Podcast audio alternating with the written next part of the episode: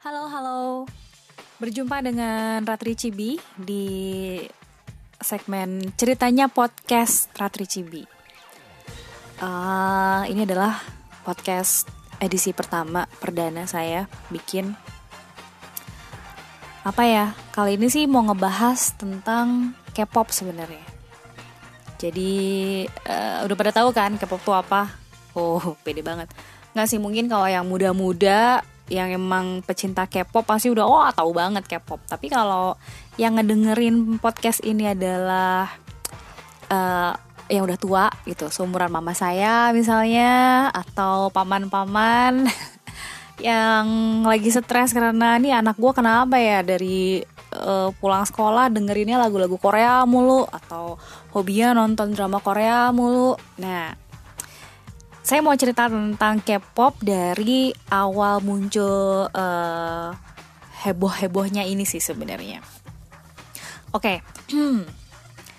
uh, dari asal katanya aja dulu ya, K-pop Korean pop culture. Jadi sebenarnya itu adalah sebuah budaya populer yang populernya di Korea Selatan, bukan Korea Utara ya. Di Korea Selatan waktu itu sebenarnya dari awal tahun 90-an.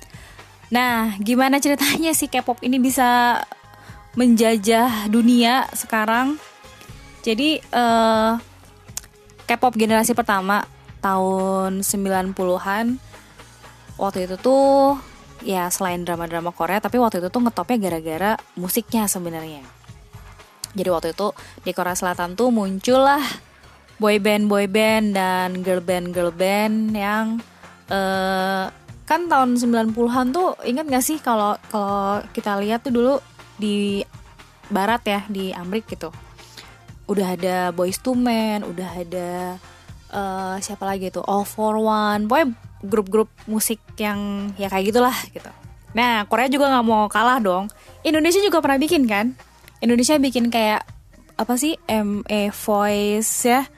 Terus uh, Trio Libels. Nah Nah di Korea tuh juga ada tahun 90-an waktu itu tuh udah ada tuh grup-grup kayak gitu.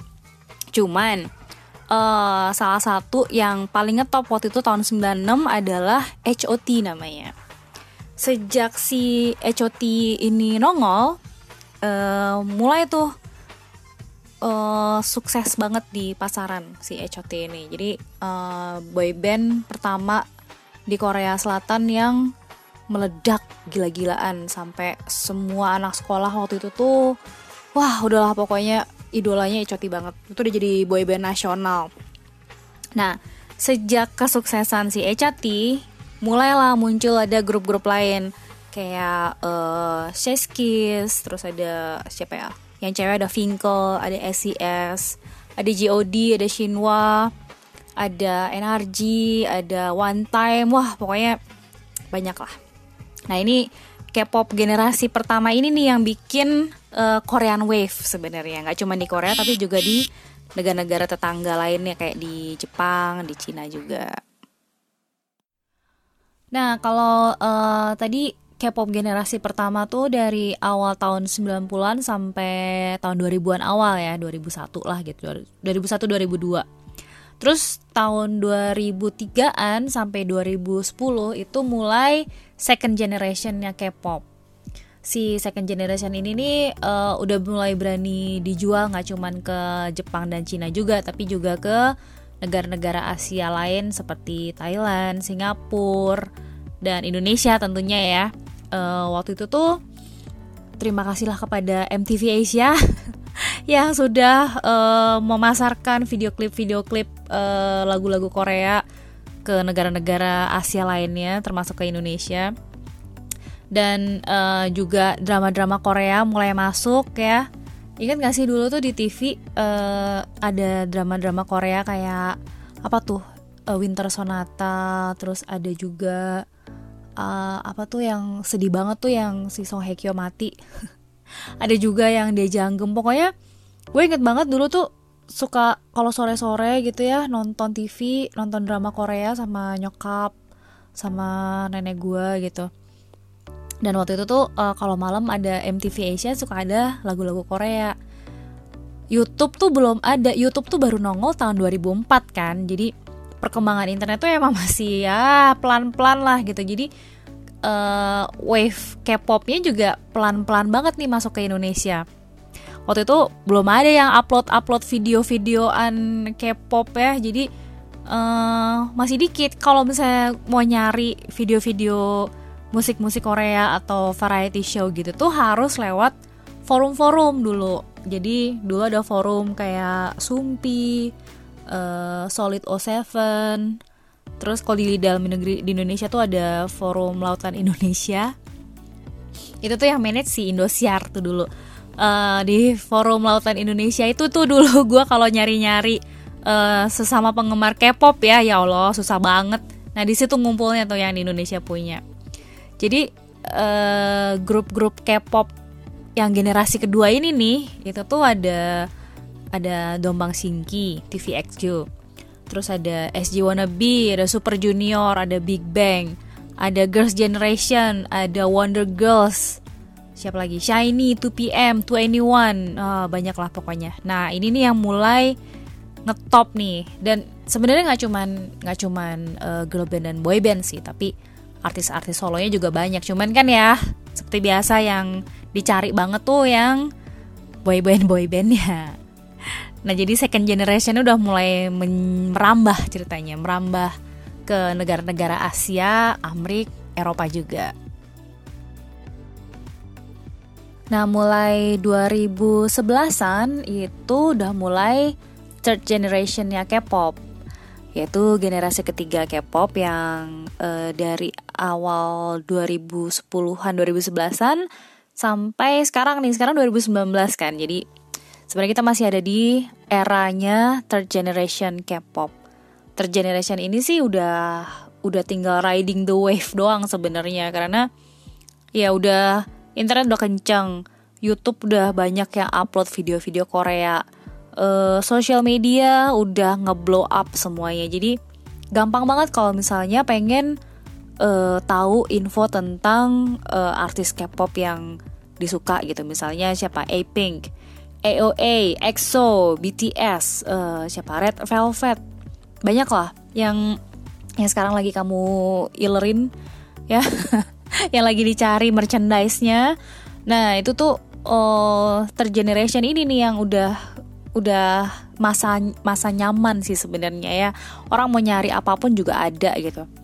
Buktinya gue mau nyari video-video tentang K-pop generasi pertama itu udah gampang banget sekarang ada di YouTube gampang kan eh, nggak uh, perlu ngumpulin dikit-dikit kayak waktu zaman-zaman 2003-an gitu jadi um, akhirnya kita udah memasuki uh, third generation dan mungkin sih kayaknya bakal ada fourth generation ya juga sih tapi nggak ngerti ntar kayak gimana perbedaannya.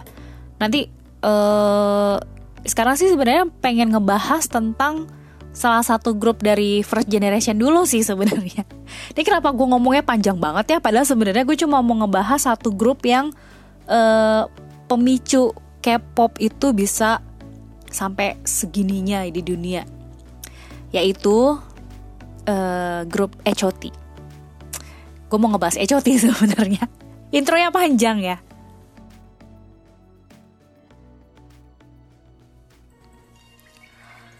Berhubung uh, kemarin tanggal 7 September 2019 itu tuh kemarin bertepatan dengan hari ulang tahun ke-23-nya HOT yaitu grup K-pop perintis yang bikin uh, K-pop ini jadi merajalela tidak hanya di Korea tapi juga di seluruh dunia saudara-saudara. Nah uh, mungkin yang yang tahu K-pop yang suka K-pop mungkin pernah denger ya? Nggak mungkin sih. Harusnya sih pernah denger grup HOT ini. Tulisannya HOT bacanya HOT jadi uh, kalau suka K-pop sih biasanya tahu Buat yang nggak tahu, nah ini makanya mau gede, mau dijelasin sekarang.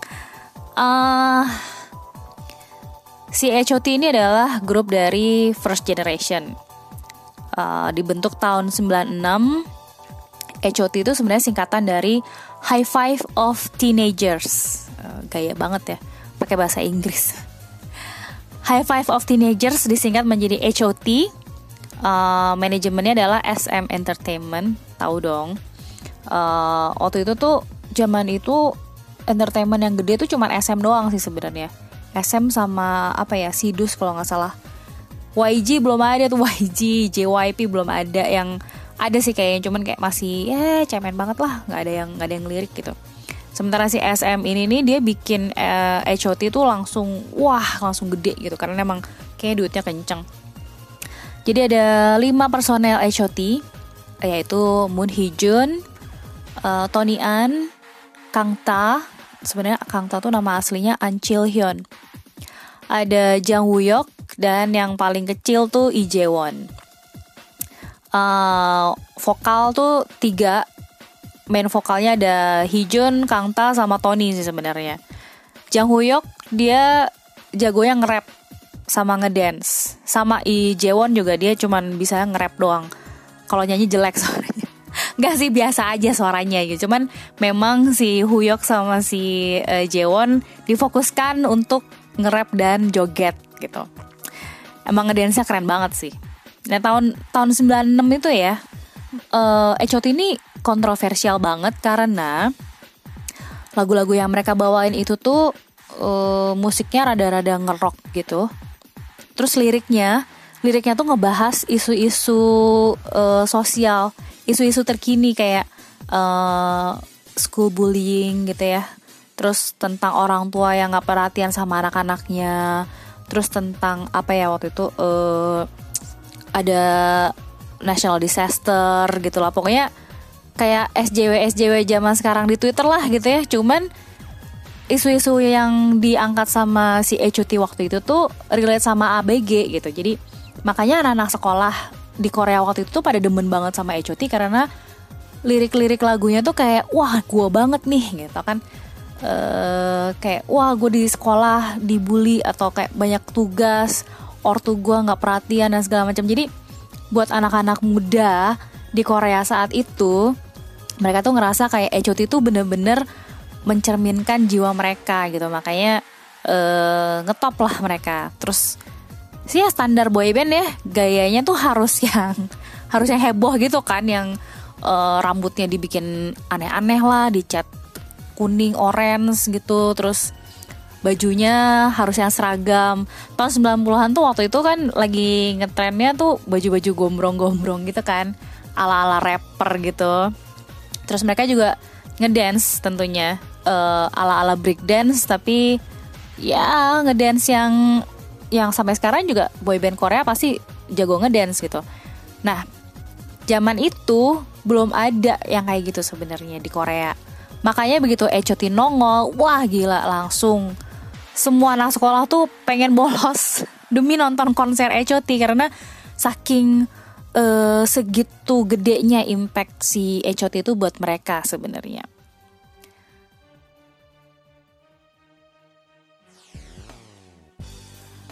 Aktif dari tahun 96 sampai 2001 ya. Echot itu udah bikin 5 album.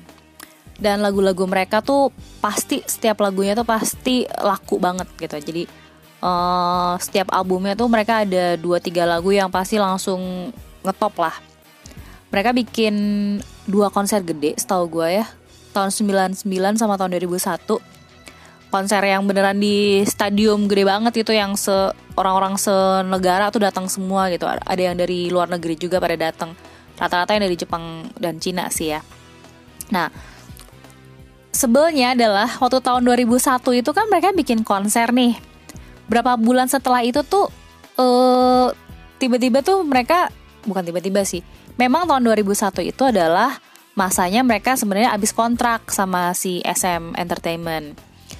Nah, tapi perundingan tentang bagi hasil nih nggak nggak nggak dapet ujungnya. Soalnya nggak tahu ya kalau zaman sekarang. Kalau zaman dulu itu, zaman tahun 90-an itu, SM tuh merki banget.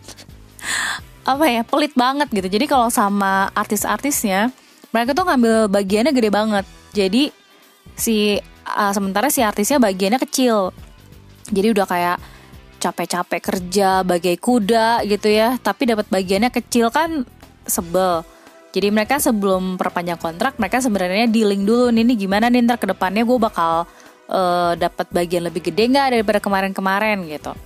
Ternyata tidak.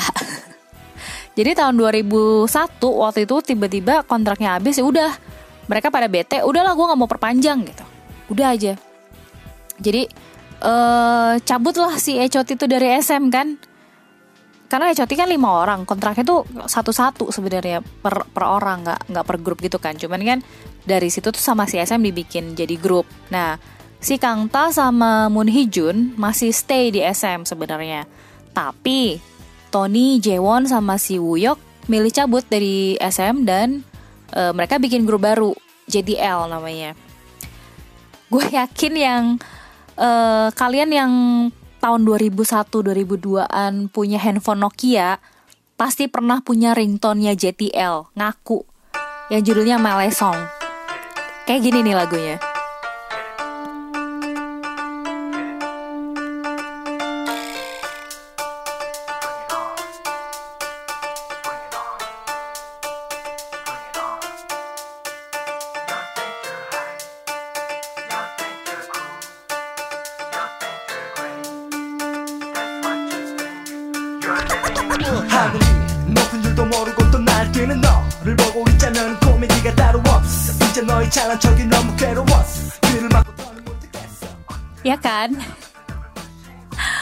Pasti punya kan ringtone lagu ini kalau yang pakai handphone Nokia tuh biasanya ke mamang-mamang tukang handphone yang di mana di Roxy gitu terus minta Mas uh, isiin ringtone dong ke handphone saya nih lagunya lagi ngetop nih judulnya My Lesson tuh.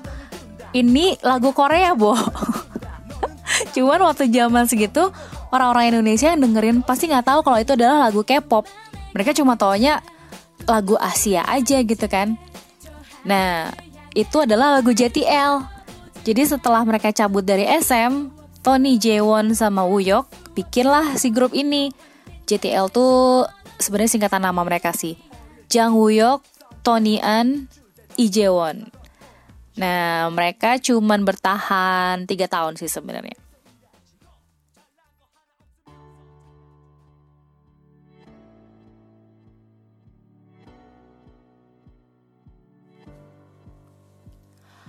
Oke, balik lagi ke HOT-nya tadi ya. Jadi setelah uh, mereka cabut nih bertiga dari SM, kan tinggal Kang Ta sama Moon Hee Jun doang. Kang Ta sama Moon Hee Jun ya mereka tetap stay di SM dan mereka solo karir. Sementara yang tiga kan udah bikin grup baru. Fans-fansnya HOT jadi galau dong ya. Maksudnya cabut kagak bilang-bilang gitu. Gak ada apa kayak perpisahan kayak sama fansnya gitu ya itu yang namanya fans Echoti waktu itu rusuhnya Bo. Beneran rusuh mereka tuh demo ke kantor SM sampai ngelemparin gedungnya pakai batu terus mobilnya Kangta tuh sampai hancur. Itu tahun 2001 lo bayangin kekuatan fans fans ABG uh, eh, se-Korea tuh segitu dahsyatnya. Cuman gara-gara boyband kesukaan mereka tiba-tiba ngilang gitu. Ya gimana nggak marah ya Lu tahun 2001 tuh mereka baru aja konser. Dan di konser itu tuh HOT bilang kalau oh kita tuh nggak akan bubar. Uh, kita akan tetap manggung walaupun cuma tinggal satu orang doang yang jadi fans kita gitu kan. Eh tahu-tahu beberapa bulan kemudian ambiar. Ya kesel lah. Nggak ada perpisahan atau pamitan gitu kan ke fansnya. Jadi uh, fans fans HOT waktu itu tuh bener-bener kecewa banget lah. Uh, bener-bener apa ya lu lagi lagi senang senangnya lagi ngetop ngetopnya terus tahu-tahu gara-gara kontrak nggak diperpanjang udah aja bye gitu. Nah dari 2001 itu sampai tahun 2018 kemarin uh, mereka tuh udah udah aja nggak ada nggak ada apa-apa gitu. Si Kang Ta Hijun bikin album masih bertahan kan di SM Kang Ta malah aja sempet jadi bukan sempet sampai sekarang masih jadi uh, creative director di SM. Iya dia kayaknya nggak bisa lepas dari SM jadi berhubung dia tajir, oh gue beli aja lah sahamnya gitu kan. Sementara kalau Hijun dia udah cabut sih, dia uh, sempet di SM terus pindah ke beberapa uh, manajemen agency lain gitu.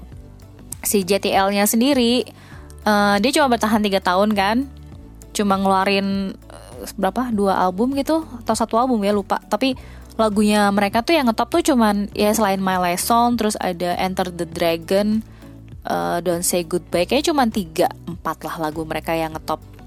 Habis itu masing-masing dari mereka solo karir juga terus mereka juga buka entertainment agency sendiri-sendiri juga. Mereka masih temenan masih temenan masih suka ketemuan tapi nggak pernah ngebahas uh, apakah Echot ini bakal balik lagi atau enggak atau gimana gitu nggak pernah ngebahas tentang HOT lah intinya. Nah, sampai akhirnya tahun 2018 kemarin tuh ada stasiun TV di Korea, yaitu MBC. Mereka tuh bikin acara namanya Infinite Challenge.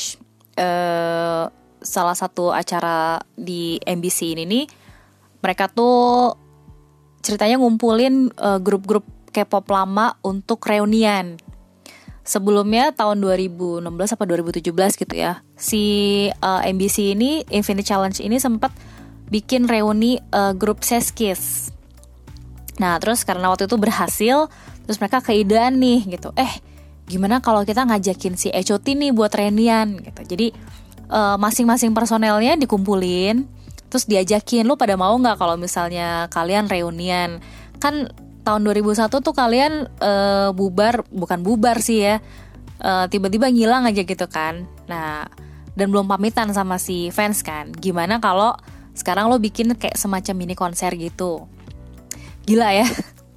Udah 17 tahun loh sejak mereka terakhir manggung bareng terus tiba-tiba ngilang. Dan akhirnya dikumpulin lah sama si MBC ini si Infinite Challenge buat ngumpul lagi dan beneran nuntasin janji mereka ke fans 17 tahun cuy Lalu coba deh kalau uh, kalian search di YouTube ya video-video uh, reuni uh, HOT tahun 2018 kemarin di acara Infinite Challenge. Oh gila, gue aja nangis bawa nontonnya. Maksudnya bener-bener uh, apa ya? Dari yang bener-bener nggak pernah ketemu, maksudnya nggak pernah ngumpul bareng banget. Terus tiba-tiba dikumpulin, terus mereka sepakat ya udahlah ayo kita bikin reuni yuk konser bareng gitu.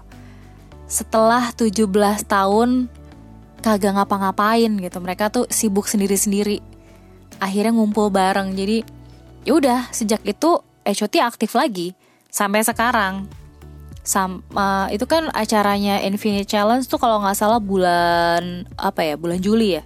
Eh ya antara pertengahan tahun lah gitu Terus bulan Oktober 2018 kemarin mereka bikin konser beneran, konser gede uh, di stadion gitu.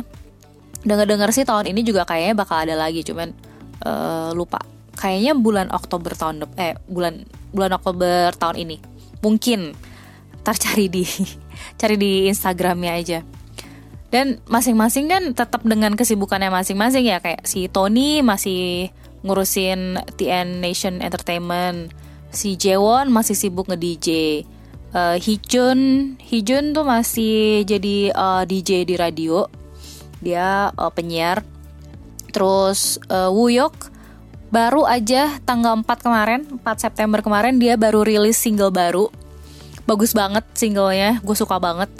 Terus uh, Kangta tadinya mau rilis single baru juga, tapi uh, keburu kena gosip. Uh, gosipnya dia selingkuh.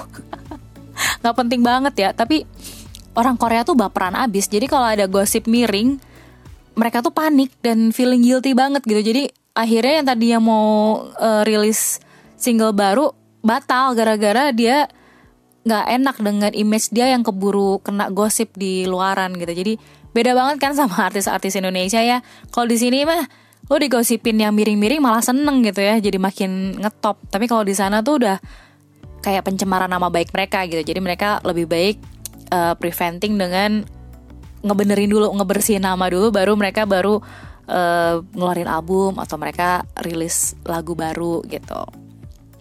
Eh tapi uh, eh, HOT balik comeback sekarang ini mereka nggak pakai nama HOT ya karena license nama mereka tuh dipegang sama uh, salah satu mantan pegawai SM kan waktu itu uh, sekarang mereka pakai namanya High Five of Teenagers. Sama aja sih. Cuman ini kepanjangannya gitu. Biar aman aja lah. Dengar-dengar sih kemarin si Jang Wook uh, sempat kena tuntutan gara-gara pakai nama Echoti waktu konser yang reuni kemarin itu. Ah lah ya moga-moga sih nggak keman nggak gimana-gimana ya tuntutannya. Soalnya ya kan ujung-ujungnya duit juga sih sebenarnya. Dan kenapa cuman Uyok yang dituntut? Ya mungkin karena masnya ini yang paling tajir?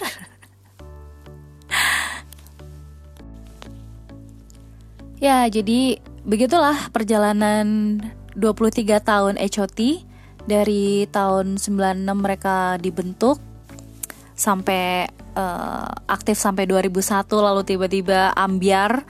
Dan kembali lagi di 2018 sampai sekarang 2019 um, boyband inilah yang bikin heboh satu negara dan akhirnya membuka jalan buat boyband boyband lain supaya bisa berkibar di seluruh dunia saat ini. Jadi buat kalian-kalian yang ngefans sama third generation K-pop nih sekarang lo harus berterima kasih banget nih sama HOT karena kalau nggak ada mereka lo kagak ada boyband boyband yang lo suka sekarang itu. Karena ya mereka lah yang pertama kali mempopulerkan K-pop nggak cuma di uh, Koreanya juga akhirnya bisa sampai terkenal ke negara-negara lain. Nggak cuma negara Asia tapi juga ke Eropa ke Afrika lah ke mana-mana. Dan lagu-lagunya Echoti juga sampai sekarang masih banyak yang cover kan gitu. Uh, lagu Hope salah satu lagunya Echoti yang judulnya Hope itu tuh bikinan si Kangta kan. Itu sampai sekarang masih selalu dinyanyiin sama SM Town Family setiap abis konser. Lu dengerin aja kalau misalnya kalian ngikutin SM Town ya. Di akhir segmen mereka tuh akhir konser mereka pasti nyanyi lagu Hope itu. Karena itu uh, license lagu itu tuh dipegang sama SM ya. Kang Tanya juga masih orang SM kan. Lagu yang ini nih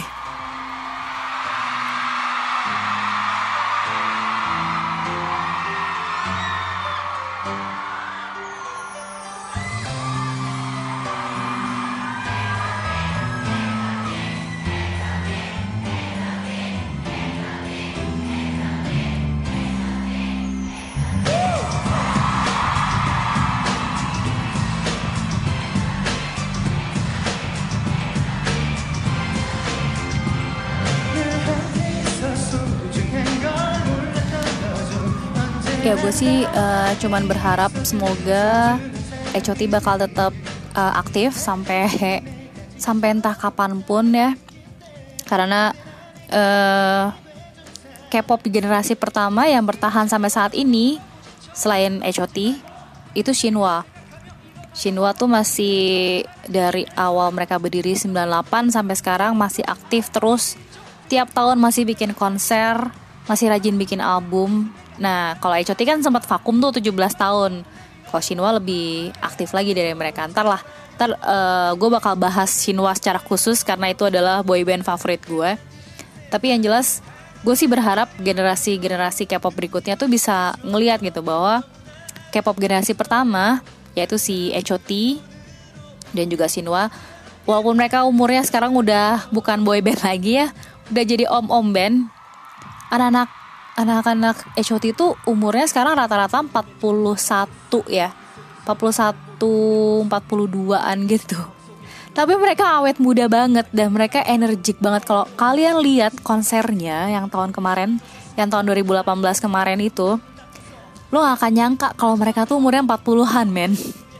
Gak cuma skincare-nya yang bagus tapi juga emang uh, apa mereka tuh ngejaga banget badannya supaya tetap fit dan tetap energik gitu. Jadi uh, walaupun mereka udah jadi bos-bos di perusahaan masing-masing gitu kan dan udah pada tajir juga tapi mereka tetap nggak lupa kalau mereka tuh gede gara-gara fansnya mereka.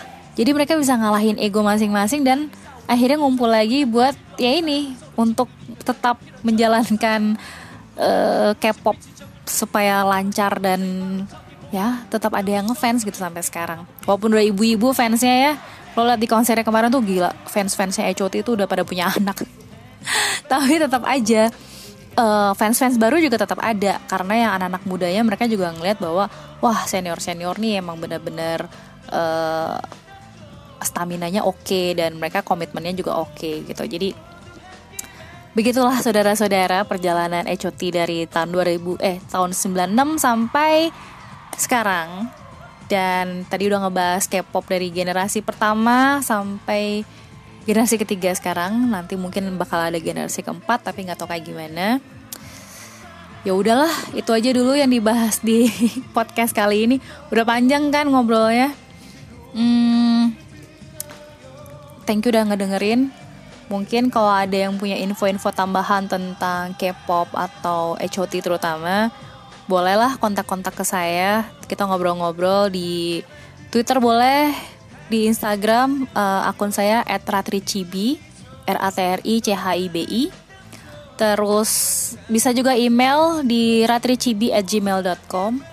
Uh, eh, kalau misalnya ada info lebih lanjut atau ada kalau misalnya tadi ada info saya yang salah please dikoreksi ya ini cuma dari sudut pandang seorang fans jadi kalau misalnya ada yang lebih ngefans dan lebih uh, paham K-pop daripada saya boleh banget uh, saya pengen belajar juga. Terima kasih sudah mendengarkan. Sampai ketemu di cerita podcastnya Cibi yang berikutnya. Bye bye